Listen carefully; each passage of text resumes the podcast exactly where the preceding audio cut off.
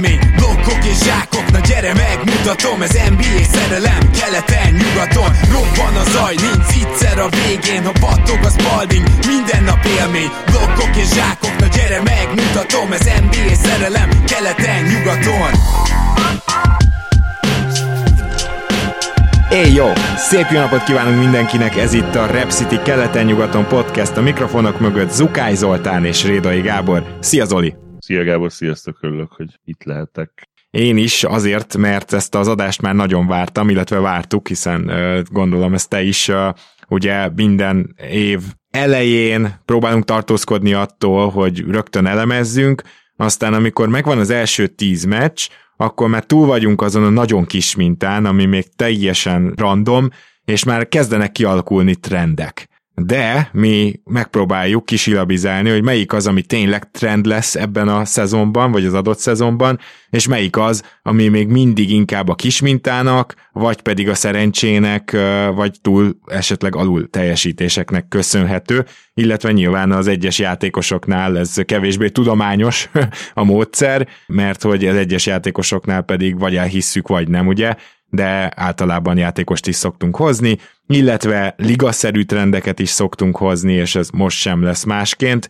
Annyit még elárulnék, hogy a következő adásban sorsolunk, ugye ebben a hónapban Patreonjaink között meszt sorsolunk itt, amit mi állunk teljesen, úgyhogy talán ez a legértékesebb nyeremény, amit így évente háromszor is kiosztunk. Szerintem kezdjünk akkor azzal, hogy egy picit beszéljük át azt, hogy mi az, amit így a liga szinten látsz eddig, Zoli, mi az, ami megragadta akár a fantáziádat, akár a figyelmedet. Nyilván az elképesztő támadójáték, ami nagyon érdekes, de még abból a szempontból meg nem biztos, hogy ezt több szezonban is láthattuk már, és hát ez azért nyilvánvalóan vissza fog esni. A másik ilyen dolog nyilván a megnövekedett pace, ami most megint csak ugye átmenetileg a, a szezon elején gyakorlatilag kiugró. Nagyon-nagyon sok csapat van 100, százas pace felett, ugye egészen 103,77-tel vezeti a, a Lakers a ligát, a Warriors nyilván rohan mindig, de a mostani 103,38 is, ami gyakorlatilag tartatatlan náluk, és ugye tavaly két csapatunk volt épp hogy 100 felett, és idén eddig van összesen, hogyha megszámolom nektek mindjárt,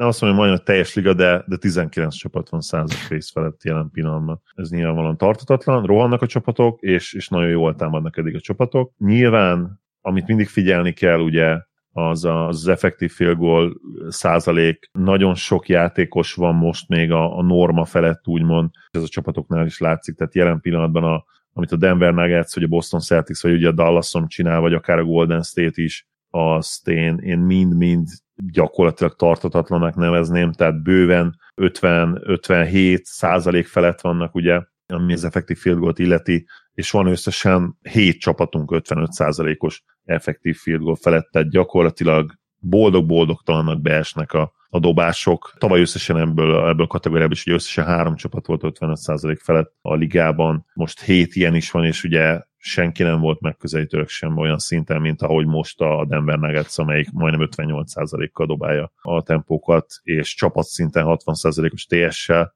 Én azt gondolom, most a legérdekesebb, legnagyobb impact bíró, és nyilvánvalóan a legegyértelműbb tartatatlan állapot is, ahogy most szalad, és ahogy támad a liga. Így van, viszont azért szerintem érdemes a, a mélyére nézni egy picit, hogy ez mi, mi, mi ez a jelenség, mi a franc ez, mert többről van itt szó, mint hogy nagyon beesnek a dobások. Ha bár természetesen az első normális off-season után vagyunk, ki tudja mióta, de tudjuk három éve, és ez várható volt szerintem, hogy a játékosoknak végre végig dolgozott nyarak, végig dolgozott akár csapat, akár egyéni egyzők által kialakított programok ott vannak a hátuk mögött, úgyhogy lesznek nagyobb fejlődések, és lesznek jó dobóformák. Na de, azért tavaly mégiscsak volt ugye három-négy olyan csapat, köztük például az én két kedvencem a, a Toronto és a Memphis, amelyik azzal ellensúlyozta, hogy esetleg félpályán nem olyan jó, hogy sokkal többet kezdett támadó pattanozni, és sokkal többet kezdett rohanni, több stílt, tehát több labdalopást, több labdaszerzést próbált elérni. Na most ezek a csapatok az alapszakaszban hatékonyak voltak ettől, és szerintem nem kell bemutatni ezt a ligát, szokták mondani, hogy copycat league, de akármelyik egyző talál valami jót, az jövőre a fél liga lemásolja. Ez van évek óta. Gyakorlatilag minden egyes olyan nagyobb eseményt vagy trendet, amit egy egyző tudott először felmutatni, emlékszünk a Bucks védekezésére az elmúlt évekből, hogy akkor akár inkább a triplát feladjuk, de, de védjük meg a, a gyűrünket, következő évre már a Liga 3 4 ezt csinálta, szóval, hogy bármi ilyen történik, akkor azt elkezdik másolni, és ami nekem szabad szemmel is feltűnt mielőtt, az, azt hiszem a harmadik vagy negyedik meccset láttam idénről,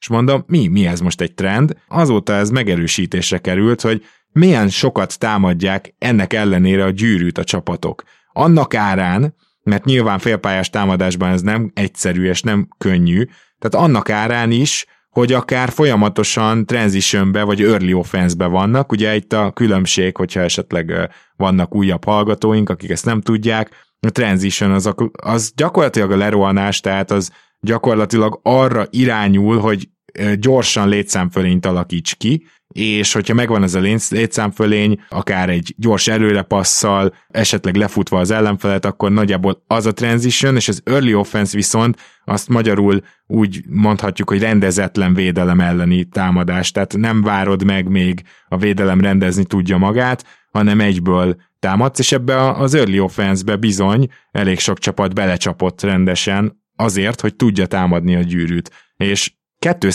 kal ez nem tűnik soknak, de ez nagyon sok, ezt higgyétek el, ez nagyon sok, 2 kal több a gyűrű közeli kísérlet, minek az árán, ez a legdurvább, nem ám a középtávolikat vették le a csapatok, hanem a triplákat. Azt hiszem 1,2 vagy 1,3 kal kevesebb triplát dobnak rá 100 labdabirtoklásra vetítve. Azt mondták a csapatok, hogy Értjük mi, hogy így védekezik most már mindenki, hogy elveszi a legjobb dobást, de mi akkor is szeretnénk inkább a legjobb dobást, még annak az árán is, hogyha a triplákat vesszük el, és szerintem, amit most mondok, az viszont már csak totális teória, és nem tudom sehogy alátámasztani, szerintem ráadásul meglehetősen jobb triplákat vállalnak így a csapatok. Tehát az, az a kevés, amit elvesztettek, azok szerintem rossz triplák voltak. Nyilván köszönhetően annak is, hogy nagyobb a rohanás, ahogy te is mondtad, és egyetértek vele, hogy tarthatatlan, de nagyobb a rohanás, és ezért a triplák is jobbak, tehát nyilvánvalóan mind transitionben, mind rendezetlen védelem ellen üresebb triplák alakulnak ki. Szóval ennek a legvége csak teória volt, de a nagy része az gyakorlatilag egy trend, ami felé megyünk, és noha ez a tempó tartatatlan, és erre reagálni fognak a csapatok, nagyjából szerintem ennek köszönhető az, hogy ilyen félmetes támadó teljesítményeket, meg offenzív ratingeket látunk itt a szezon elején. Kerestem most az adás előtt ilyen statot, hogy meccsenkénti sarok tripla, és nem találtam, de anekdotikus bizonyíték részem, elég sok meccset néztem ebben a szezonban, és rengeteg sarok triplát látok, tehát nyilván az mindig egy jó dobás minden évben, de, de nem lepne meg, hogyha az, amit mondtál, az abból a szempontból igaz lenne, hogy a triplák minősége az még talán javult is, és azt látjuk, nyilván ugye ezt már az effektív field goal százalékból leszűrtük, hogy nagyon jól dobnak eddig a csapatok, tehát konkrétan van, és megnéztem gyorsan, van 8 csapatunk 38%-os tiplázás felett eddig, ami egészen hihetetlen. Ugye tavaly nem volt egy, egy csapat se ugye a szezon végére, aki 38%-ot elérte volna egyetlen csapatszinten, most pedig eddig van ugye, ahogy mondtam, 8 ilyen csapat is. Azért és, ez is tartatatlan, azt mondjuk el. Valószínűleg igen. És ugye van egy 42%-a triplázott csapatunk is a Nuggets, amelyik az egyik én tartatatlan ötösömbe benne lesz egyébként, én összeírtam kb. azt, ahogy nézem, 8-9-et mindkét kategóriából. Akkor szerintem bele is csapatunk, és, és az első tartatatlan statisztikám az nekem egy csapatstat is ez, hogy a Nuggets bár Jokic gyönyörűen osztogat, és ő maga is 70%-os TS felett van eddig, ami egész hihetetlen. És eszünkbe se jut az MVP címnél, mert annyira, annyira lazán ilyen, ilyen pihentető üzemmódban van, ezt a 20-10-et lehozza, 20-10-8, vagy nem is tudom mennyi az assziszt eddig. Nem dob olyan sok pontot, de ez a csapat szinten 40, majdnem 42%-os triplezés, ez nyilvánvalóan tartatatlan a Nuggetsnek eddig. Támadásban egyébként nagyon jók, tehát amire számítottunk, hogy ott lesznek a top 5-ben, az már most gyakorlatilag egy garanciának tűnik. Így van. Igazából nem is tudnék ezzel vitatkozni. Amit én láttam a Nuggetsből, azt hiszem még csak három meccsüket láttam, tehát itt a szemteszt az nem olyan erős, de azért már van valami. Amit én láttam a Nuggetsből, az egyértelműen az, hogy hogy is fogalmazzak csak, azzal, hogy Michael Porter Jr. például ott van, azzal azért maga a spacing is sokkal jobb lett. Tehát csak arra gondolok, hogy tavaly azért a csapatok rengeteget csaltak a Nuggets ellen. Még az alapszakaszban is, hát a playoffról nyilván ne is beszéljünk, de azért bőven volt olyan játékos, akiről le lehetett segíteni, és Jokic ennek ellenére vitte a hátán ezt a csapatot és osztogatott.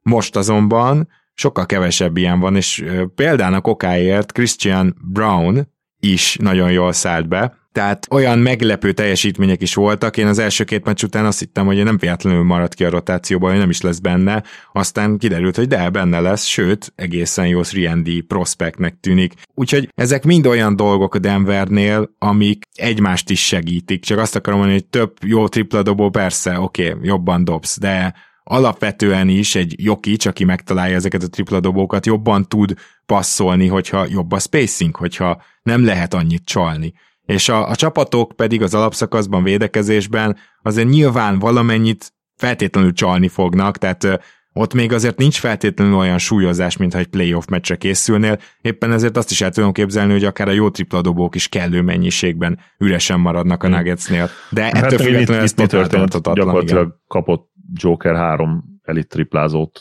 a tavalyi kerethez képest Igen. ilyen PG és Murray abszolút elit szinten vannak, KCP pedig ilyen nagyon jó kategória, nem, nem feltétlenül elit, de, de nagyon jó. És Brown is egyébként ilyen tavaly kevés kísérlettel, de 40% felett dobta, 41% körül dobálta, úgyhogy gyakorlatilag teljesen más ez a spacing, mert ugye tavaly simán Rómá lehetett duplázni Jokert, és hiába találta meg az üres dobokat, ezek rendszerint nem tudták megbüntetni az ellenfeleket. A védekezésük nyilván az egy work in progress, de támadásban nagyon-nagyon erősek és, és levéthetetlennek tűnnek már most. Na én elmondom az első tartatatlanomat azért, mert ezen olyan szinten gondolkoztam, mit tudom, én készültem az egész adásra összesen ö, egy órát, mondjuk kétszer felett, de abból szerintem csak 10 perc azzal telt, hogy hogyan rakhatnám be azt, ami az Atlanta Hawks most így ebbe az adásba, mert, mert be kellett raknom. Szóval mindjárt megértitek, hogy miről van szó, és mi volt a dilemmám. Az a helyzet, hogy az Atlanta Hawksnál ugye megérkezett Murray, és rögtön mondtuk is, hogy gyaníthatóan az a terv, hogy bár talán kicsit visszaesnek támadásban, de jobbak lesznek védekezésben. Ez annyira sikerült, hogy full középen vannak mind a kettőben, és visszatért egyébként a mindent blokkoló Capella is, tehát hiába, hogy egy csomó ö, gyűrű közeli kísérletet engednek, Capella olyan légvédelmet rendez, hogy az azt hiszem a liga legjobbja, vagy második legjobbja, de egészen félelmetes. Na most, ez mind szép és jó, csak az nem, hogy hát akkor szerintem kezdjük a támadásukkal, Miért van az, hogy az Atlanta Hawks ennyit visszaesett támadásban? Hát, hogy Murray miatt vajon? Kicsit nehezen hittem ezt el, ugyanis Murray eddig szinte a csapat legjobb játékosa, tehát konkrétan... Nem szinte, szerintem egy Hát igen, tehát jobb, mint Ray Young eddig. Van egy elmebeteg stat, ez már inkább csak nagyjából mondom, mert azóta már volt meccs, de valami 30 ponttal jobbak Murrayvel a pályán minél ilyen, ilyen eszement sokkal.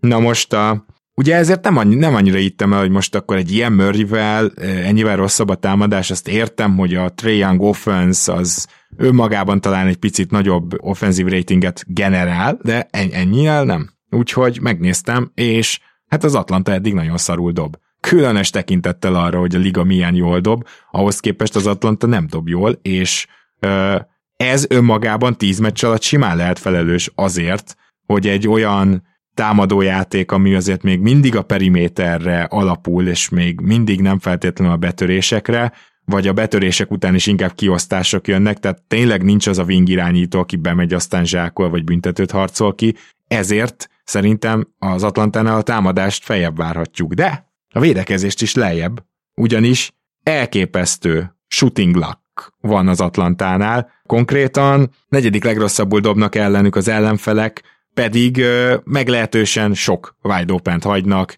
meglehetősen sok egyáltalán open dobást, és nem dobták eddig be. És ez még tíz meccs alatt simán lehet egy ilyen deviancia.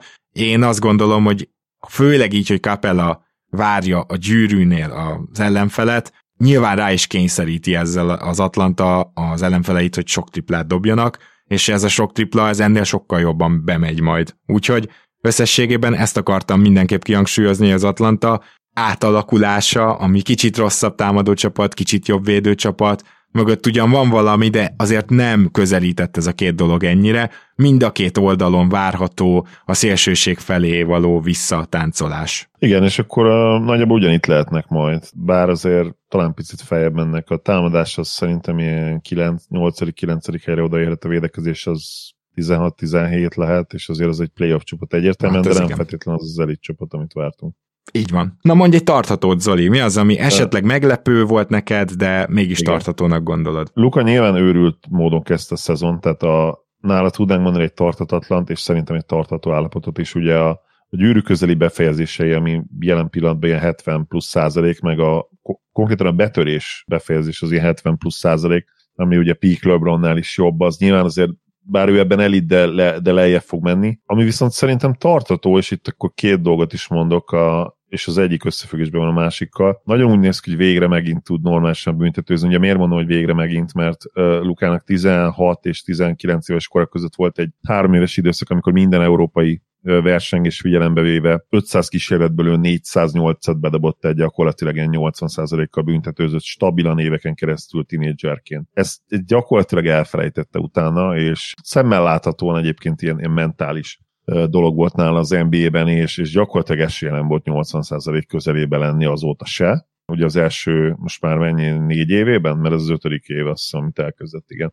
Az első négy NBA idényében erre nem volt gyakorlatilag esélye, és idén végre bőven 80% felett dob, és szerintem ott is végezhet. Lehet, hogy ilyen 80% környékére visszaesik majd a szezon végére, tehát szerintem ez egy, ez egy tartató dolog, akkor mondtam már egy tartatatlant is, és akkor mondok még egy tartatót, ami egyben tartatatlan is, ezt kövessétek. Luka lesz szerintem a pont király egyértelműen, tehát ez a része tartató, hogy, hogy a liga legjobb egyik legjobb szkórere lesz ugye pontszámban és pont királyi címben az övé lesz, szinte biztosan.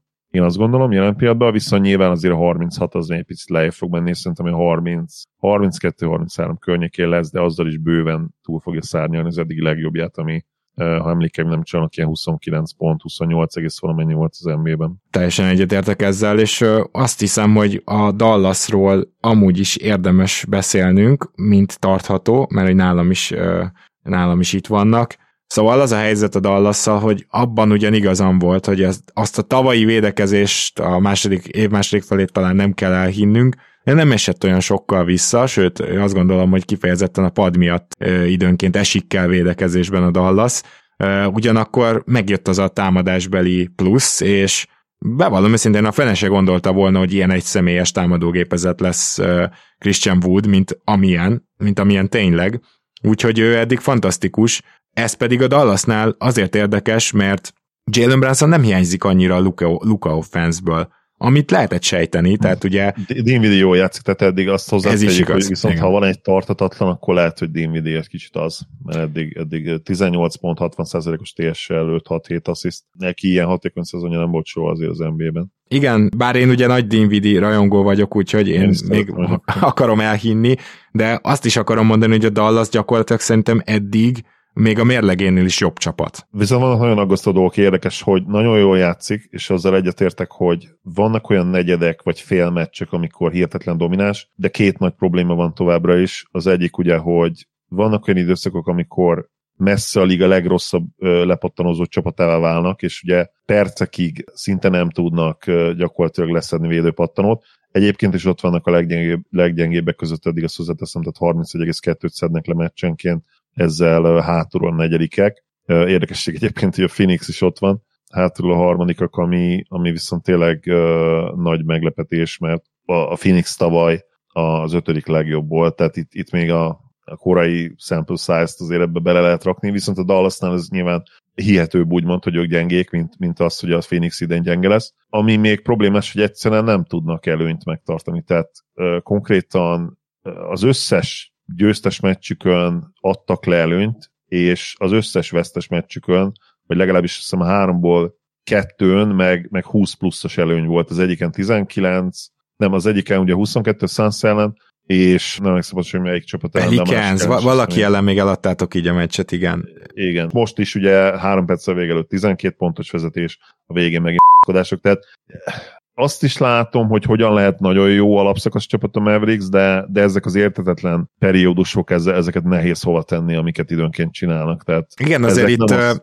van egy logikus magyarázat, de te mi összes meccset láttad, ugye, úgyhogy ez sokkal inkább érdekes itt a te véleményed, mint a logika, de a logika azt mondaná, hogy Doncsics ezeknek a meccseknek a végére jobban el kell, hogy fáradjon Branson hiányában. Eddig nem így tűnik, de nyilván még a szezon elején vagyunk, tehát idén kifejezetten jó eddig a clutchban, Luka jó döntéseket hoz, jó passzokat hoz, és viszonylag hatékony is, tehát nincs meg az a tavaly egyetemen, meg szerintem az EB-n is ki, kiütköző dolog, hogy, hogy a második felidőkben, meg a negyedik negyedikben rosszabb. Ha. Amit látok, hogy nagyon meg tud zavarodni a csapat. Mentálisan nagyon hülye labdáladásokat tud produkálni, és és mint hogyha már várnák azt, és remegnének előre, hogy hogyan fogják leadni az előnyt. Tehát ez, de nyilván ez, ez nem, nem egy kézzelfogható dolog, tehát ez belemagyarázza az ember, mint szurkoló, nem biztos, hogy egyébként hmm. erre gondolnak, ez simán lehet ugye variancia is. Hát ebben az adásban még időnként muszáj tenyérjósolnunk, tehát azért ez, itt, még, itt még olyan szintű mély elemzésre alkalmas adatmennyiség egyszerűen nem áll rendelkezésre, hogy bizonyos aspektusaiban a témáinknak ne legyen tenyérjóslás, és akkor én elmentém maradva azt mondanám, ha már emlegetted a pattanózást, hogy a Philadelphia két legnagyobb problémája a transition védekezés és a pattanózás, szerintem tartatatlan ez, ez olyan, mintha egy szurkoló mondta, mondaná, felháborodottan, hogy ez tartatatlan, én nem vagyok Philadelphia szurkoló, ugyanakkor azt gondolom, hogy ilyen mélységekben nem szabad lenni. Tehát, hogy főleg egy olyan csapatnak, amelyik minden tekintetbe komolyan veszi magát. A Philadelphia pattanózásban való visszaesése az most már egy több év alatt megfigyelhető, tehát ők folyamatosan az elitbe voltak, folyamatosan ott voltak a legjobbak között, és, és aztán egyre esnek vissza, de most azt hiszem hátulról negyedikek, ötödikek, valami egészen elképesztő. Hátulról ötödikek, igen. Na most uh, nyilván nem minden úgy működik, hogy összeadod a játékosokat, és akkor az jó lepattanózó csapat lesz, de a pattanózásnál azért ez nagy szerepet kap. És nem mintha a Philadelphia állandóan zónázna. Tehát nem arról van szó, hogy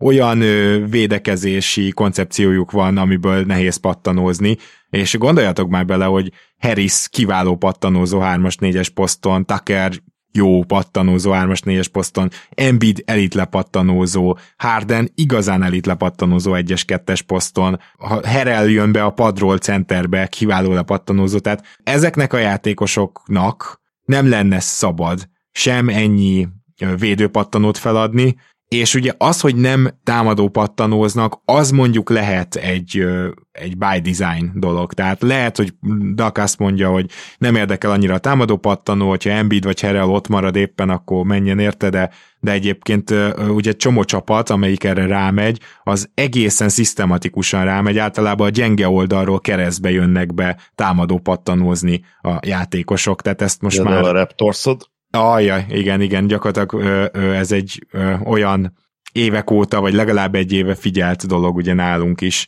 ami, igen. ami nagyon feltűnő. Illetve a Boston meg tradicionálisan nem ezt csinálja, tehát a, a Bostonnál már a Stevens éra óta az van gyakorlatilag, hogy ér vissza. Hogy vissza, érje vissza, így van. Igen. Ez, ezt ugye Popovics kezdte el nagyban csinálni, még szerintem kb. 2010 környékén, hogy azt mondta, hogy abszolút nem érdekel engem a támadó pattanózás, és tök érdekes, hogy akkor azért az egész liga eltolódott erre, és sokkal kisebb lett a támadó pattanók aránya, most meg majd megint nőni fog, mert, mert erre is találtak szisztemet. Na de, a Philadelphia-nak ennél bőven jobb lepattanózó csapatnak kell lenni, és ugye beszéltünk már, talán emlegettük ezt a transition védekezést, szóval azt értem, hogy Hardennel rohadt nehéz transition védekezni. Tehát van egy embered, aki általában kint áll a periméteren, és mégse fut vissza. Szóval ez oké, okay. de most Harden megsérült, és én azt várom, hogy ha más nem, legalább ez önmagában egy javulást eredményezzen, mert egyébként több olyan játékosuk van, aki nagyon gyors, és a transition védekezésnél ez egy fontos szempont. Maxi a liga egyik leggyorsabb játékosa. Azt mondanánk, hogy Embiid lassú, de amikor Embiid full formában van, akkor kevés center futja le őt. Tehát, hogyha, hogyha párban van, akkor kevés és láttunk olyat, hogy Embiid visszaért transitionbe és blokkolt, tehát ő, ilyeneket is csinált már úgyhogy őt se becsüljük alá, a többieknek sincsen semmi oka arra, hogy legalább ne érjenek vissza. Az, hogy a Filadelfiában vannak nagyon gyenge láncszemek védekezésben, az tény, és nyilván tudom, hogy te top 5-be vártad őket védekezésbe, ez akkor is meglepődtem ezen, most már valószínűleg te is meglepődnél, hogyha bejönne ez a, ez a jóslatod, de nyilván ezek a gyenge láncszemek, ezek nagyon bántják őket. De akkor is a transition védekezés egy olyan dolog, amihez elsősorban effort kell. Először legyél ott, aztán utána majd meglátjuk, hogy milyen védő vagy. Úgyhogy ezt is tarthatatlannak gondolom. Azzal egyetértek. Ugye akkor most a konklúziód az, hogy ennél azért jobbak lesznek. Ennél jobbak lesznek, mint pattanózásban, mint transition védekezésben, mert... Abszolút, ezt ezzel egyetértek. Ugye most közép kategória alja, vagy inkább a, a hátsó zóna. Azért ezt hozzá kell tenni, nem volt egyszerű a sorsolásuk sem. Most egy megnézem gyorsan, ugye Boston, Boston ellen kezdtek, Milwaukee-val folytatták. San Antonio, amire ugye azt gondoltuk, hogy egy könnyű meccs lehet, de hát ugye tudjuk, hogy a San Antonio mennyire jól kezdte a szezon. Kétszer a toronto az ugye semmiképp nem egy egyszerű dolog. Hát főleg ugye transition védekezés szempontjából Igen. a Toronto az gyakorlatilag mindenkinek uh, instant ronta Washington, mérlege. amelyik ilyen relatíve jól kezdte a szezont, vagy legalábbis nem annyira szarul. A New York, amelyik szintén relatíve jól kezdte, vagy nem annyira szarul, és akkor a Phoenix ellen most legutóbb de nem lesz sokkal könnyebb a folytatás sem, mert ugye most jön két Atlanta elleni meccs, hanem megint Milwaukee, Utah, aki ugye szintén egy meglepetés csapat, tehát a Spurs meg a Utah két meglepetés csapatunk is mind a kettő ellen kezdtek, tehát sehol, sehol egy ilyen Magic, vagy sehol egy ilyen Detroit, sehol egy OKC, úgyhogy tényleg nehéz volt eddig a sorsásuk. Az is tény, és akkor itt zárszóként, hogy, hogy Joel frusztráltnak tűnt már nekem a legelejétől, és, és úgy tűnt, mintha nem lenne tökéletes formában. Ugye tudjuk, hogy hogy ez a Planter Fascitis nevű történet, ha minden igaz, megtalálta őt, és ugye Doc lenyilatkozta, hogy a camp alatt zavarta, az egy nagyon-nagyon alattomos ilyen gyulladásos állapot a lábban, ugye általában magas embereknél szokott előjönni, Szabonisznak is volt tavaly, jól emlékszem, hogy tavaly előtt, és szinte csak a pihentetés jó rá, nem úgy megy, hogy ugye megműtöd, és akkor egy egyértelmű probléma megoldódik, hanem egyszerűen nem szabad terhelni egy ideig, és, és lehet, hogy akkor is elmúlik, vagy nem múlik el, visszajöhet, tehát ilyen ködös dolog ez is nem egyértelmű, úgyhogy valószínűleg ez is zavarja őt, meg zavarta őt a felkészülés alatt is. Hát de ha már meggyógyult, akkor is ugye az volt itt a, a fáma, hogy bizony miatt nem tudott formába lendülni, és ezt megértem, Igen. hogy ezt nem erőltették, tehát ez nyilván. Abszolút, abszolút. Na Zoli, mondja akkor egy tartatatlan te is. Mondok egybe egy tartatót és egy tartatatlan, mert ugyanaz a kettő, vagy ugyanaz a csapathoz kapcsolódik. A, a Milwaukee Bucks szerintem tudja tartani azt, hogy egyértelműen kelet legjobb csapata lennek, lesznek, és kiugróan simán akár elviszik az első helyet. Ami viszont tartatatlan, az a, az a jelenlegi védekezésük, ami jelen pillanatban három ponttal jobb, mint, mint akármelyik másik csapaté, és, és hogyha ezt a 101-et tudnák tartani, 101,9-et, azzal csak a tavalyihoz és a tavalyi előttihez összehasonlítva tavalyi legjobb csapatnál, a Phoenixnél ugye 5 ponttal lennének jobbak, és a tavaly előtti győztes Jazznél is, náluk meg 6-tal majdnem. Gyakorlatilag ez, ez a, ez a 101-es már-már majdnem átmegy ugye a kettő számjegyű védekezési hatékonyságba ilyet, tehát ez nem a modern NBA, ez gyakorlatilag lehetetlen, ez azt jelenteni, hogy ők ilyen 90-es évek szintű védekező csapat idén, ami, ami azért nagyon nem tartható, Ja, ha, ha ezt megtartanák, az... akkor, akkor kampányolnék amellett, hogy Brook Lopez legyen az évvédő játékos a viccen simán, kívül. Abszolút simán. A, amit és, eddig művel. Igen, igen. És ami viszont egyébként megjavulhat, ha már beszélünk egy kicsit róluk, az, az nyilván a támadójáték az lehet még egy kicsit jobb. Ugye Jannis egészen elképesztő, és az hihetetlen, hogy úgy ilyen elképesztő, hogy a tempója nem esik be, és úgy hozza ezeket a teljesen őrült hatékonyságú meccseket. Egészen hihetetlen a faszi, most ajánlok egy tweetet a figyelmetekbe, és így viccesen elkezdtem mondani, hogy hát miért nem tud dobni, mert ugye jóképű, jó csapattársai vannak, gyönyörű felesége, gyönyörű gyerekei, nagyon jó csapatban van, hát nem, nem lehet minden basszus. Tehát ha, ha még dobni is tudna, akkor egyszerűen nem lett volna arra mód, hogy, hogy szerény maradjon, és a, a jó Isten az így, így tartotta mondjuk így, így egyensúlyban a dolgokat, hogy, hogy, hogy azt mondta, hogy Jánisz, te nem tudsz dobni, és így, így van esély szerénynek maradni, de ez tök jó humorral, meg öniróniával mondja, tehát rög végig közben. Úgyhogy nagyon-nagyon szeretem Janis, és Lukával nyilván most uh, top 2 MVP jelöltek, valószínűleg jelen például Janis ugye vezeti, de a Bucks védekezése kicsit le fog romlani, ez tartatatlan lesz, és ami tartató, hogy maradnak szerintem a keleti elsők végig. Na, akkor viszont én mondok egy tarthatót, felhívnám a, mindenkinek a figyelmét arra, hogy milyen iszonyatosan szarul védekezik a Spurs. Egészen hihetetlen úton, módon teljesítenek eddig ilyen jól, bár mert behorpadni látszik ez a hihetetlen kezdés. Berőttyintették a tankot, úgy néz ki, igen. Itt az a helyzet, hogy mindenki tudta, hogy a Spursnek a játékos kerete az, az nem alkalmas arra, hogy, hogy hogy is mondjam csak, úgy kitartsanak, mint a jazz tart ki, majd róluk is szeretnék szót ejteni, de azért az mindenkit meglepett, hogy a Spurs nem védekezés központú csapat, hanem egyelőre támadás központú csapat. A Spurs szar védekezése azonban tarthatónak tűnik az alapján, amit eddig láttam, és elmondom, hogy miért. És ez nekem nagy meglepetés, tehát én azt gondoltam, hogy ők tök utolsók lesznek támadásban, de védekezésben a legrosszabb ötben sem lesznek benne. És az a helyzet a Spursnél, hogy nekik egyetlen egy fegyverük van jelenleg, ami működik védekezésben, az Pöltülnek a rim protectionje, tehát gyűrűvédelme, csak ezzel az a baj, hogy messze a Spurs engedi be a legtöbb ö, gyűrűközeli kísérletet. Tehát, hogy a Spurs egyelőre pont azért, mert Pöltül ebben jó, ráengedi Pörtőre az embereket. Egyrészt sajnos az osztrák nem tud 48 percet játszani, sőt, ő igazából még csak 40-et se. Tehát ő azért nem egy ilyen típusú játékos, aki, aki végigbírja a hatalmas terhelést, de másrészt pedig ő hiába jó rim protector, hogyha egy ilyen magas százalékú dobást, egy ilyen jó point per possession dobást engednek rá folyamatosan, és sokat, akkor ő lehet a világ legjobb gyűrűvédője is, akkor sem fog jól járni a csapat. Tehát az, hogy a ligában legtöbbször hozzájuk lehet betörni, az egyrészt ugye a riasztós cégeknek San Antonióban elég nagy szégyen, másrészt pedig igazából rossz üzlet. És emellett viszont nem mondanám azt se, hogy szétdobták őket eddig az ellenfelek. Tehát az se igaz, hogy úristen, zseniálisan dobnak ellenük. És minden jel arra mutat, hogy ez a védekezés, ez bizony tényleg ilyen rossz. Na most azért gondolkoztam, hogy berakjam-e ezt ide a, a tarthatóak közé, mert viszont ennél relatíve jobb védőik vannak, tehát a periméteren itt vannak jó védők. De van egy másik faktor is, amiért szar a védekezésük, az pedig az, hogy támadásban Popovics csapattól hát nem vár dolgok történnek, futnak, és itt sokat adják el a labdát. Erre gondolok, ugye egyik sem jellemző a Popovics csapatokra igazán, ez pedig azt jelenti, hogy sok könnyű kosarat is kapnak. Úgyhogy ha ez így marad, és ez lesz az irányvonal, akkor ez maximálisan tartható. Egyetértek. Nyilván az is lenne a cél, hogy, hogy ez, ha lehetséges, akkor tartható legyen.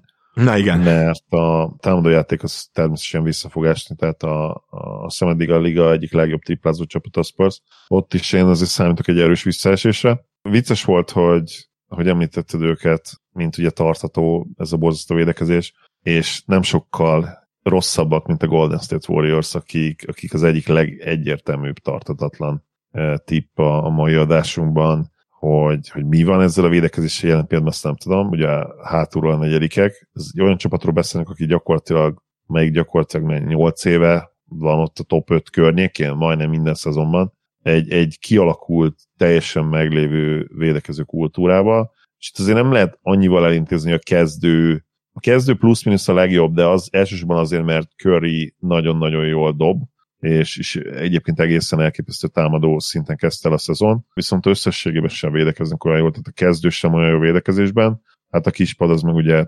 gyakorlatilag nem létező, tehát tényleg olyan, mint hogyha minden este szurkolókat kérnének meg, három-négy szurkolót, hogy játszon a padról, azonnal megsemmisítik őket, ahogy Curry leül gyakorlatilag, és mindenek ellenére ezzel a kultúrával, ezzel a kialakult maggal, ezzel, ezzel a kialakult rendszerrel nem létezik, hogy, hogy legrosszabb esetben ilyen top 12-14 környékére nem érnek oda, de azért az nem lenne meglepő ezen a ponton, hogyha nem, nem kerülnének évvégére a top 10-be, bár lehet, hogy nem értesz egyet ezzel, nem tudom. Hát azért nem értek egyet vele, mert szerintem meglepő lenne nem kerülnének top 10-be, mert Kör most már mondta, hogy szépen szűkítgetni fogja a rotációt, szóval nem tarthat a Wiseman kísérlet. Az igen, csak ugye ki fog játszani helyettük, mert ugye... Most már igen, kicsit elfogytak, tehát uh, itt az a helyzet, hogy se Wiseman, se Kuminga nem igazán tudja, hogy arccal merre van védekezésben, de... de... Kuminga most vissza kell, hogy kerüljön a rotációba. Igen, mert most lehozott egy jó meccset, és mondta a kör, hogy hát oké, okay, akkor most visszakerül a rotációba.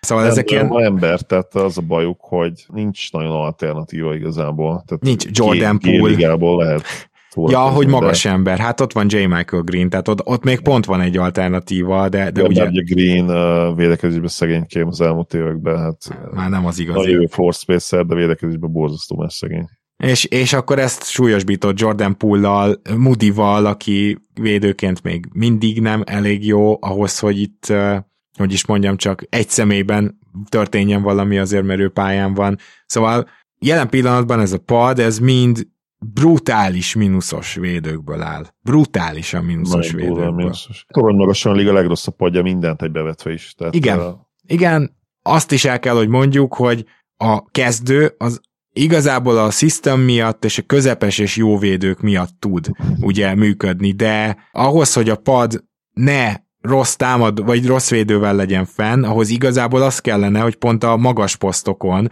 legyen fönn a pad mondjuk Greennel. Hogy itt is az, hogy mondjuk Clay Thompsonnal van fenn a pad, az, az nem segít olyan sokat, és hát Claynek a védekezése az lehet, hogy már soha nem tér vissza a korábban látott szintre, mert tavaly ezt még úgymond így elnéztük, hogy igen, olyan, olyan közepes szintre talán vissza tudta küzdeni magát, most én azt gondolom, hogy közepes alatt kezdett mint védő. De hogy ő lesz-e még igazán jó, az egy nagyon nagy kérdés.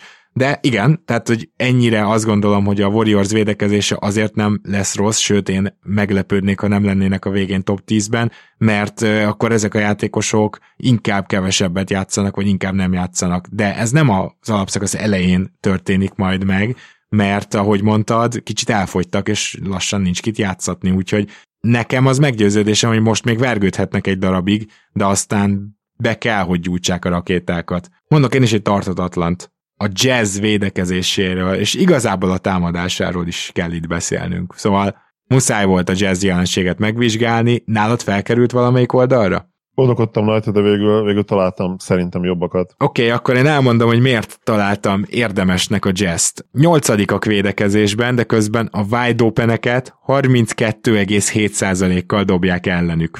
Az nagyon-nagyon kevés. És tegyük hozzá azt, hogy viszont cserébe az igaz, hogy ők keves, keveset engednek. Nem extrém keveset, de a liga alsó harmadában. Szintén keveset engednek, szintén a liga alsó harmadában open triplákból, de abból is csak 31,8%-kal dobnak ellenük. Tehát értem én, hogy ha keveset engedsz, akkor ha ezek a százalékok normalizálódnak, akkor az csak meccsenként két-három ponttal lesz több, amit kapnak, de az, az nem kevés. Ezt nehogy azt higgyük, hogy kevés. Illetve közepes dobás ellenük nagyjából, tehát ilyen közepes százalékkal fejezik be a csapatok, a gyűrű közelít, abból meg nagyon sokat engednek. Na most Persze Volker Kesslernek van némi gyűrűvédelme, de itt azért ő nem játszik olyan sokat.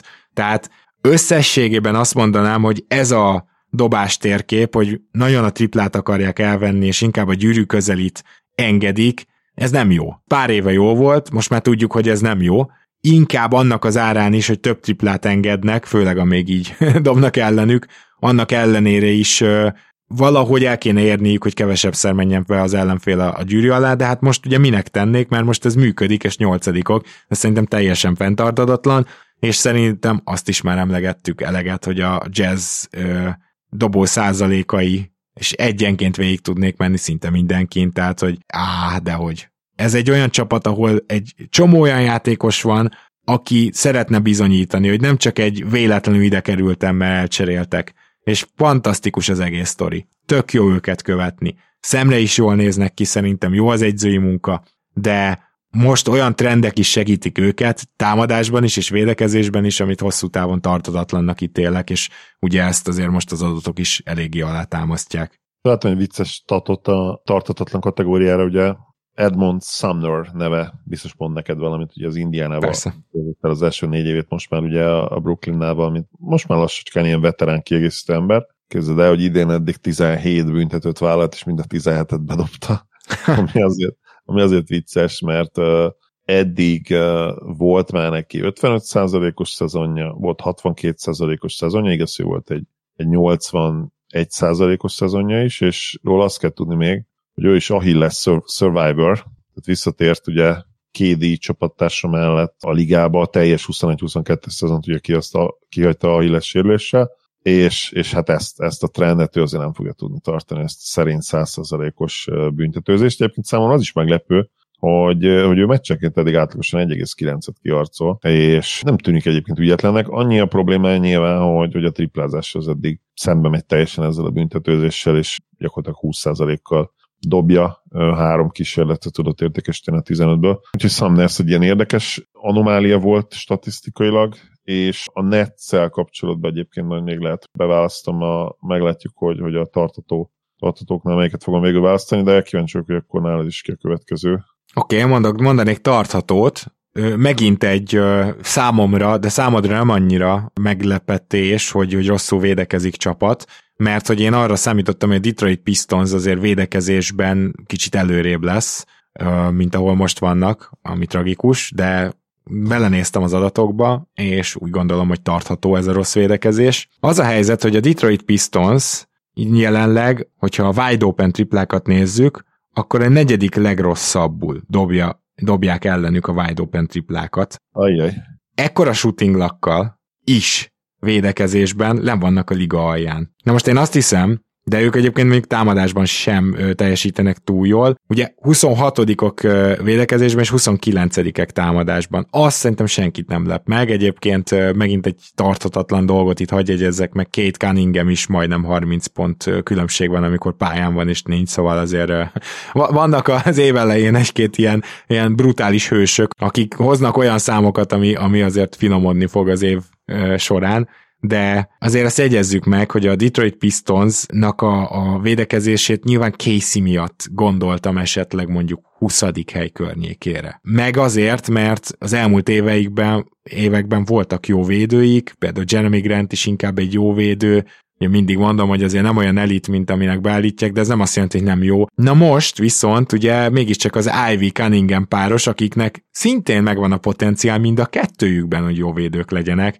de hát az egyik újonc, a másik pedig egyedül cipeli az egész csapatát támadásban, ugye Cunningham, és, és emellett Bogdanovics van ott most, és nem Grant, és bár Bogdanovics ledobja a csillagokat az égről, meg fantasztikus támadó teljesítmény nyújt, elképzelni is nehéz, hogy mi lenne nélküle. Egyébként a már most is 29. támadással, de ez csak ilyen kis mellékzönge.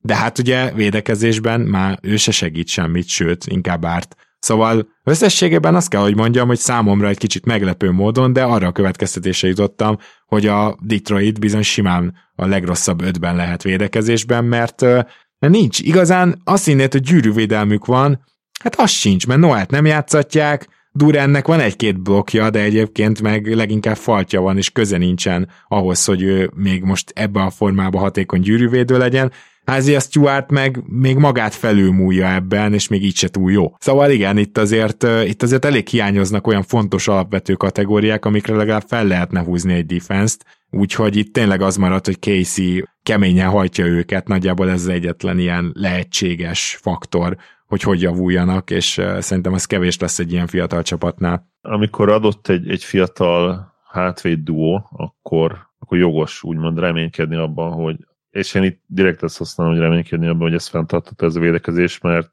basszus kép, képzeld el ezt az Ivy Cunningham duót, ha tudjuk kivel. Ja, ja. Azért az, az ó, én nem is tudom, hogy mi, mi történne pár éven belül. Hát szerintem két-három év és gyakorlatilag a torony magas esélyesek lennének, hogyha minden jól alakul. Ha minden jól alakul, igen. Ha úgy fejlődik. Tehát az egy dinasztia lenne, igen. Nyers potenciálban gyakorlatilag verhetetlen trió is lenne, meg verhetetlenül jó hely is szerintem Vemnek, tehát, tehát ennél jobb helyet elképzelni se tudok neki, mint ez a hátvéd duo. Ja. Jó, hát akkor mondj te is kérlek egy tarthatót. Én azt gondolom, hogy ami, ami tényleg tartható, és várjuk is azt, hogy, hogy gyakorlatilag meg is jósoltuk valamilyen szinten, hogy ez a csapat, ez ennyire jó legyen, az a, az a Cleveland Cavaliers, és az, hogy ők most net ratingben vezetik a, a, a ligát, ha, ha jól emlékszem, de megnézem, pontosan legutóbb vezették. Igen, még mindig vezetik a, a, a ligát netratingben. Ez nem feltétlenül tartató, de, de az, hogy ők egyszerre tudnak lenni elit támadó csapat és elit védő csapat, az abszolút tartató, és nem kell ugye mondanunk, hogyha mi történik akkor, hogyha ők egyszer elit támadó és elit védő csapat. Már idén egy contenderről beszélünk, ami, ami lehet, hogy meglepő lenne, de, de minden jel arra utal, hogy ebbe az irányba megyünk el. Tehát ami hiányzott a támadó játékokból úgy néz ki, hogy ez pont Donovan Mitchell, a védekezésükből meg ugye semmi nem hiányzott, és azt meg nem rontja le, úgy látszik Michel, eddig, eddig úgy tűnik, mert... Igen, azt hangsúlyozzuk, hogy itt ez a meglepetés ebben, hogy ugye azért a Mitchell Garland hátvédpárosra, meg Karis Levertre hármas poszton már nehéz volt úgy nézni, hogy, hogy akkor tényleg olyan jó lesz védekezésben ez a csapat.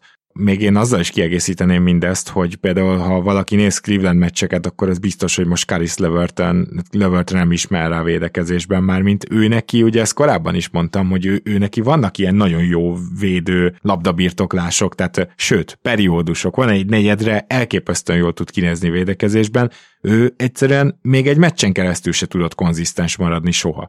Most meg úgy tűnik, hogy nagyon beleteszi az effortot, és ez tök érdekes. Én nem írtam fel így a Clevelandet, de mégis gondolkoztam rajtuk, és szerintem te nagyon jól megfogalmaztad azt, hogy, hogy ide kell kerülniük a tartatóak közé, és, és nyilván itt a védekezése kérdés, hogy, hogy az tartható-e így. Azért gondolom ezt, mert egyrészt Bickerstaff egy védekező egyző, másrészt ő egy nem jó támadó egyző, de itt a támadás megoldja magát. Tehát ezért van az, hogy az ilyen Clifford, meg Bickerstaff, meg ilyen típusú egyzők olyan csapatokhoz jók, ahol van egy Luka Doncsicsod, van egy LeBron James-ed, vagy van mondjuk egy-két olyan támadó játékosod, mint például itt Garland és Mitchell, akik gyakorlatilag pick and roll egyéni bontásokkal már is lehoznak neked egy jó támadó ratinget. Ugye ez volt az elv, vagy ez lenne az elv most az Udoka igazolásnál is, hogyha összejön, de egyáltalán nem biztos, hogy összejön, de mindegy, a Netsről még mindjárt kitérnék. Szóval én azért gondolom, hogy a, a Cavsnek ez tartható, mert úgy tűnik, hogy Bickerstaff jobb védőt csinál Mitchellből, és az egyértelmű, hogy Lövört egyre jobb és jobb védekezésben szintén, és hát nyilván ódákat kéne zengeni, most itt Dean Wade-ről basszus. Csávó az egy ilyen, hát nem is tudom mibe ment át erre a szezonra, de hát minimum egy 3 játékosba, de néha még egy picit annál is többe. Abszolút. Nála azért lehet, hogy, hogy felmerül, hogy ez igazából nem tartató, de ha találtak a személyében egy tényleg olyan játékost, aki, aki stabilan tud 15-20 percet játszani, és, és úgymond nem elszúrni a dolgokat. Ugye neki jó, nagyon jó méreté vannak alapvetően azért 2.05 körül van, 2.06, és, és egy intelligens játékosról beszélünk. Szerintem egyébként ő lábon is sokkal egyet, láb, lábon is sokkal gyorsabb, mint gondolnád. Igen, itt tényleg az a kérdés, hogy, hogy ez nála fenntartható vagy sem, de hozzáteszem, Chad is nagyon jól játszik eddig idén, tehát nála is azért felmerülne az, hogy tartató vagy tartatatlan, de szenzációsan játszik. Olyan, olyan floor spacinget csinálnak Mitchell körül, hogy, hogy rengeteg helye van, rengeteg helye van Garlandnak, rengeteg helye van ugye a magasoknak. Nem tudsz egyszerűen beduplázni, beváltani rájuk, mert, mert mindenki bedobja a dobásait, szóval hát az egész eddig egy, egy olajozottan működő gépezetnek tűnik. Igen, tehát azért mégiscsak támadásban tarthatatlanabb ez a Cleveland, úgy tűnik mert Egyet gyakorlatilag jelenleg csak okorról, okorról merhet, merhetsz lesegíteni. Azért, azért ez még nem biztos, hogy egy egész szezonos mintában is így lesz. Nekem még két tartatatlanom van, de az egyik az a, az a Nets, ha már emlegettem őket, akkor elmondom, hogy te meg a tartatóak között emlegetted ugye őket, és kíváncsi vagyok, hogy milyen szempontból fogtad meg a dolgokat, lehet, hogy ugyanabban a szempontból. Hmm, ez inkább költői lesz, amit most mondok, mint sem szakmai, de szerintem az állapot, ami a Netsnél van, az tarthatatlan. Az, hogy Irving gyakorlatilag bármikor felrobbanthat valami olyat, ami miatt a csapata megszívja, az, hogy Durant amúgy egy cserekérelem után van, és az, hogy Royce O'Neal egyébként a körülbelül a harmadik legjobb játékosod, az egész állapot, és most még egyzőt keresnek, és ehhez oda viszik tényleg udokát. Nyilván, tehát az első gondolatuk az volt, hogy ah, jó védekező egyző, oda visszük. És miért nem történt meg még vajon ez? Hát azért a plegykák szerint, mert Joe Tsai, azt hiszem így mondják, de minden esetre a Brooklyn tulajdonosa felé többen kommunikálták, hogy ebben a helyzetben lehet, hogy nem pont az lenne a jó üzenet, hogy udokát vesszük fel egyzőnek. Úgyhogy valami robbanást várok. Szerintem nagyon kis esélyünk van arra, hogy a Nets az most így megnyugszik, meg Irving is végigcsinálja a, azokat a dolgokat, amiket megszabad neki a Nest tulajdonosa, és aztán hat meccs múlva visszatér, és, és akkor a, a egyenesbe kerül a hajó, meg a végére már mindenki nagy haver, és fantasztikus a kémia, tehát nagyjából erre olyan 5% esélyt látok. Úgyhogy ilyen szempontból tartatatlan a Brooklynnál maga ez az állapot, és kíváncsi leszek, hogy, hogy milyen irányba robban majd, de szerintem ez abszolút egy lőporos hordó. Na jó, hogy mondod már, én ezt írtam fel magamnak két jegyzetet. Tartató el középszerű, középszerűség, és az, amiben átmennek ők most már, hogy, hogy tényleg egy gyakorlatilag támadásban is uh, relatíve könnyen levéthető csapat. Nyilván itt az Irving hülyességet is bele kell kalkulálni. Azt írtam fel, a másik jegyzet pedig az, hogy KD elvágyódása az tartató és abszolút tartató, és, uh, és időkérdés szerintem.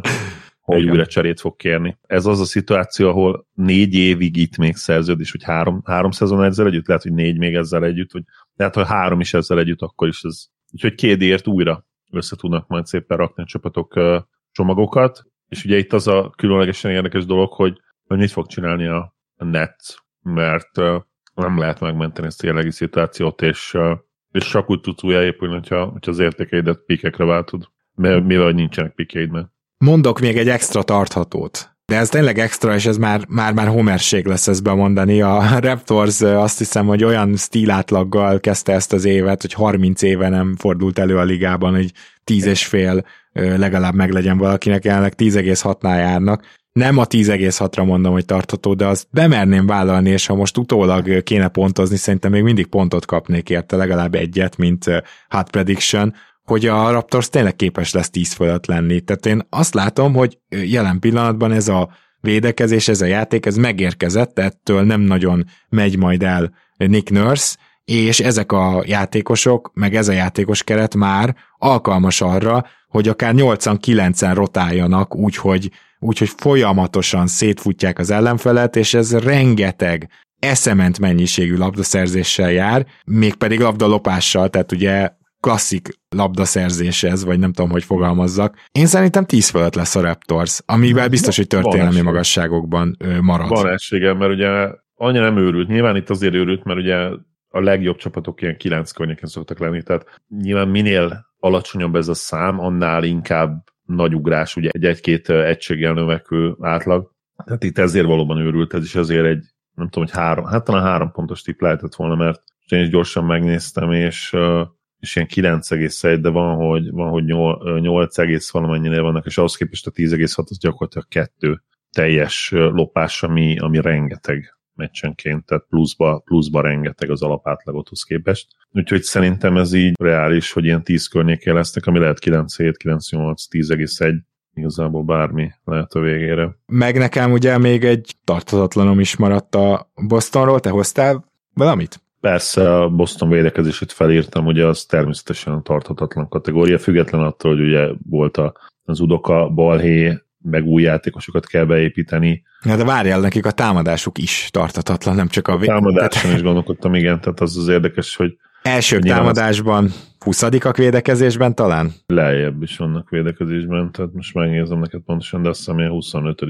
hely környékén vannak, 23. a védekezésben. Ugye mit csinál máshogy a Boston idén? Fut, mint az állat. Ebből következik, hogy ugye a futós csapatoknak a védekezése csak a legritkább esetben top 3, meg szóval a Golden State, egy, egy ilyen Golden State-et láttunk. Itt lehet, hogy egyéb statokat is meg kéne nézni egyébként, hogy például a félpályás védekezésük ugyanolyan jól, mint a tavalyi, mert az, az oké, okay, hogyha ha futsz, akkor nyilván több könnyű kosarat szerzel, de több könnyű kosarat is fogsz kapni, ez azért eléggé alapszabály. Minden esetre Boston szemlátomást emelt a tempón, az early offense is, amit az adás elején mondtam, náluk is megfigyelhető, többet támadják a gyűrűt, viszont eddig hát jól is dobnak. Szóval ezt, amit ők csinálnak eddig 62%-os TS majdnem, ez teljesen kizárt, hogy tartani tudják. És hogyha megnézitek, akkor mondjuk ők pénzben például nincsenek annyira fent, de ők is 99-es pénzsel dolgoznak, ami még egyszer mondom, azért is durva, mert emeltek is a tempón, és mindenhonnan jól dobnak, és ez taj, teljesen tartatatlan, azt gondolom, viszont valahol, hogy hova várom ezt a két dolgot, szerintem ez a csapat top 10-be lesz mindkét kategóriában, és hogyha most tippelnem kéne, akkor a védekezés azért be fog mászni egy top 8-ba, a támadás viszont elképzelhető, hogy csak mit tudom, én, 5.-6. helyig esik vissza. Szóval nem lenne most már így ezt a Bostont látva meglepő az, hogy egy picit jobb támadó csapat lenne az alapszakaszban, mint védőcsapat. Pedig azért szerintem, ha ezt így a szezon elején bármelyikünk bemondja, akkor kaptunk volna egy pár érdekes kommentet, hogy ezt honnan veszitek. Zali, akkor egy tarthatatlan mondj te is, és akkor szerintem úgy nagyjából meg is vagyunk, mert hogy nekem én elfogytam, tehát én kilőttem a tárat. Szegény Kings-t meg kell említeni, Yeah! akiknek nagyon nincs szerencséjük eddig, és uh, borzasztó shooting luck, ami rájuk jellemző, és az ellenfeleik ugye eddig, eddig tényleg kb. minden bedobnak. Úgyhogy én nagyon remélem, hogy ez,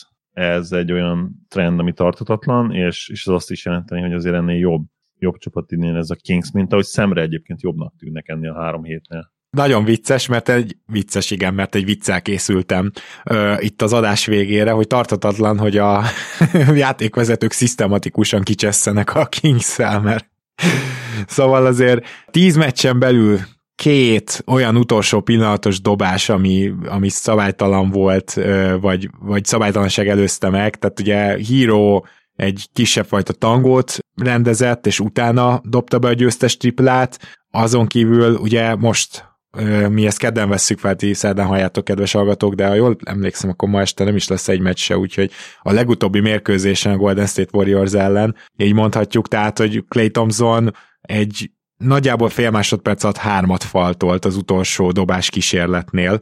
Kettőt tutira. Kettőt egészen biztosan, igen. És egészen nagy bravúr, tehát, hogy, hogy tényleg különböző pontokon ő, tudott faltolni fél másodperc alatt, és az egy tripla kísérlet volt, amiből három büntetőnek kellett volna következnie, amivel, hogyha az bemegy, akkor kiegyenlít a Kings, szóval most nem azt állítom, hogy feltétlenül biztosan bement volna a három büntető, tudja, hogy megnyerték volna onnan, csak azt, hogy azért egy kicsit sok ez tíz meccsen belül, de Igen. egyébként teljesen igazad van, az ellenfelek mindent bedobnak, és nagyon érdekes a Kingsnél egyébként, hogy olyan hihetetlenül kevés wide open triplát engednek, ami így a régi időkre emlékeztet, konkrétan 9,1-et, és a legközelebbi hozzájuk az 13 fölött van. Ezt egy kicsit emészgessük. Tehát a második legkevesebb tripla, wide open triplát megengedő csapat, az is több mint 13-at enged meccsenként, amivel egyébként abszolút fantasztikusak, a Kings pedig 9,1-et. Tegyük azt hozzá, hogy cserébe a Kings védekezése ott horpad be, hogy cserébe nyilván sokkal több gyűrű közeli kísérlete van az ellenfeleknek, és mivel Holmes is szar idén, amit nem teljesen tudok hova tenni, és Szabonisnak pedig a gyűrűvédése azt nem kell bemutatni, így aztán elképesztően jó százalékkal is fejeznek be az ellenfelek, és ez a része mondjuk nem biztos, hogy tartatatlan, sajnos ez lehet, hogy tartató, de ezt ilyen érdekességként el akartam mondani. Egyébként a Kingsnek valóban jobbnak kellene lennie, mint ahogy nyugodtan említsük meg az Orlando Magic-et, amelyik jelenleg a leges legjobban alul teljesíti a, a net ratingjét. A Magic-et gyakorlatilag senki nem verte még meg úgy igazán idén. 10 Igen. pont, 5 pont, pár pont, egy labdás meccs, ilyenekben kapnak ki folyamatosan. Ha a Magic véletlenül megtanulna nyerni, és hogyha mondjuk Cole Anthony és Suggs egyszerre visszatér, és valamelyik mindig a pályán lesz, akkor én még most sem zárom ki azt, pedig ugye nagyon rossz mérleggel állnak, hogy esetleg a Magic-től majd ilyen látunk egy 5-3-as vagy 5-2-es sorozatot, abszolút nem tudnám kizárni, úgyhogy még ez egy olyan trend, amire érdemes figyelni szerintem. Azt hiszem a végére értünk az adásunknak. Zoli, végre egy kicsit elemezhettünk, ami azért szerintem mindkettőnknek már jól esett, és hát a következő hetekben már elkezdődik majd az az időszak, még nem az overreaction, arra talán az elsőre várunk legalább még két hetet, de az olyan adások, amik már például egy rookie watch, például egy pánik gomb, amik már tényleg folyamatosan konkrétan a ligával foglalkoznak, és ez nem is baj, de azért itt szeretnék egy gondolatot zárásként megosztani, és szerintem egyet fogunk érteni. Ugye nagyon sok komment érkezett arról, hogy mi ez a hihetetlen szappanopera, ami most a ligát körülveszi, nincs egy olyan hírmorzsa a kezdőtnél, hogy ne legyen benne legalább négy-öt ilyen dráma. Egyetértek, oké, okay, nem jó ez a ligának, de olyan dolgok történtek, amikre nekünk is, és szerintem az újságíróknak is, mindenkinek kellett reagálni, tehát ne vonjuk már meg a vállunkat, amikor valaki egy nyíltan antiszemita filmet reklámoz, vagy ne vonjuk már meg a vállunkat, amikor, de nem is tudom melyiket soroljam fel, még Book Knight-ról nem is beszéltünk, hogy a csávót így megtalálták ilyen katatón állapotba fegyverrel a kocsiába, és nem jött ki, hanem először evett. Dennis Rodman, Rodman Part 2. Teljesen, ugye, teljesen. teljesen tehát... Olvastam az életrajzikönyvét.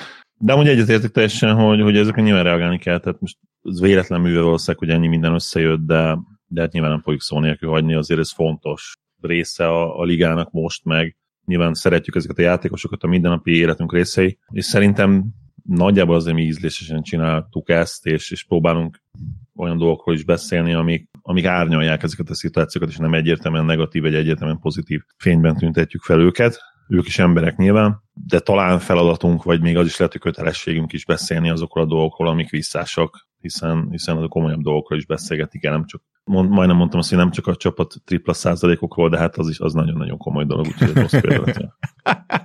Ez méltó lezárása volt a mai adásunknak. Zoli, köszönöm, hogy ma is itt voltál. Örülök, hogy itt lettem. Szia Gábor, sziasztok! Kedves hallgatók, még most így nem tudjuk, hogy mivel jövünk szombaton, de az is biztosan egy jó téma lesz, megígérjük, és sorsolás is lesz majd a patronok készüljenek. Egyébként patreon.com per nyugaton, ott tudtok minket támogatni, havi akár egy dollárral. Úgyhogy köszi, hogyha ezt megteszitek. És egyébként köszi, hogy velünk tartotok. Minden jót kívánunk, sziasztok!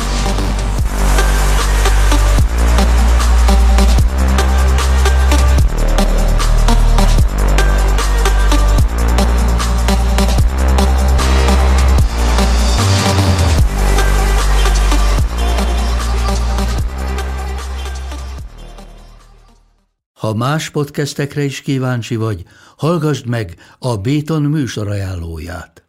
El tudod képzelni, hogy a podcastet, amit éppen most hallgattál, fél év múlva már a mesterséges intelligencia generálja? Mi sem. De ha érdekel, eljötte már a gépek lázadása. Hallgass bele az Embertelen podcastbe. Orsós Lajos vagyok, a műsor házigazdája. Egyelőre még élőben. Egyelőre. Fedezzük fel együtt, hogyan ismerkedik, randizik, mesél és vitatkozik Betty és Péter, két teljesen mesterséges intelligencia. Lajos, a podcast címét mond még egyszer, Léci. Oké. Okay. Embertelen podcast. Ez a műsor a Béton közösség tagja.